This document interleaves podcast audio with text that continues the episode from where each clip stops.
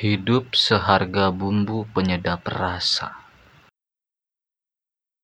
yang niat awalnya bukan dicampur pada masakan. Teriak bocah dari jendela sebuah rumah.